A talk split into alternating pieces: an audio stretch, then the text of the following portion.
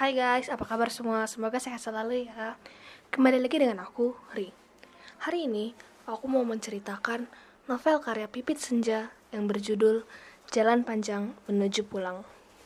Fatin, gadis logo asal Cianjur, pergi ke Jakarta untuk kuliah sambil kerja agar bisa membantu keluarganya di kampung untuk menyambung kehidupan.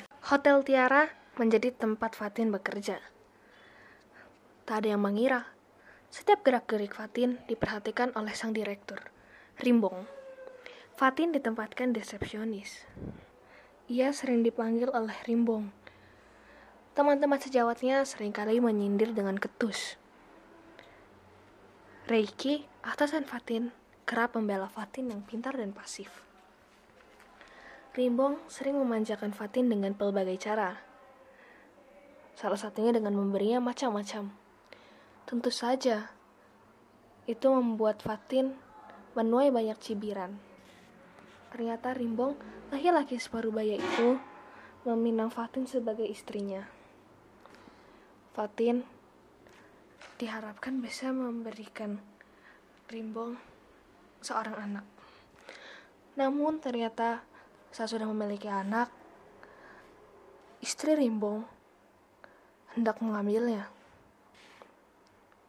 Rimong tidak pernah mengatakan kepada Fatin bahwa ia telah memiliki istri. Fatin yang tidak terima pun akhirnya kabur entah ke mana.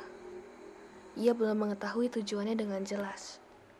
Hingga ia berkenalan dengan salah seorang bule bernama Frankie lewat online.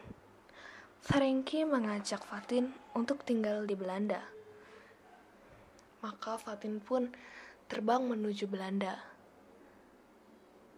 Bukannya menjadikannya sebagai istri, Fatin justru hanya dijadikan tempat pelampiasan nafsu Frankie.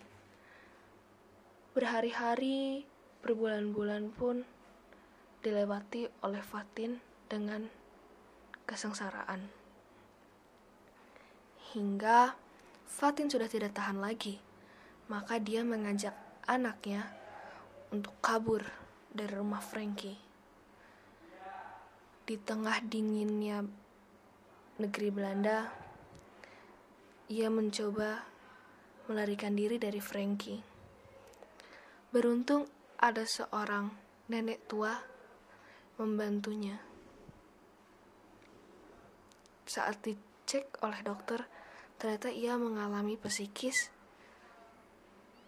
yang telah hancur, juga fisiknya yang hancur lebur karena penyiksaan Frankie. Bertahun-tahun, Fatin diurus oleh Omar Roslin. Fatin bahkan tidak berani keluar dari rumah Omar Roslin karena bayang-bayang Frankie masih menghantuinya. Tahap demi tahap, Fatin lakukan agar kesehatan mentalnya kembali pulih. Fatin berani menjejakkan kakinya keluar dari rumah Omar Roslin. Ternyata Omar Roslin telah menyiapkan berbagai kejutan untuk Fatin. Yaitu, ia akan diberi modal jika Fatin ingin membuka usaha. Fatin pun merintis usahanya usaha roti. Enam tahun ia tinggal di Belanda,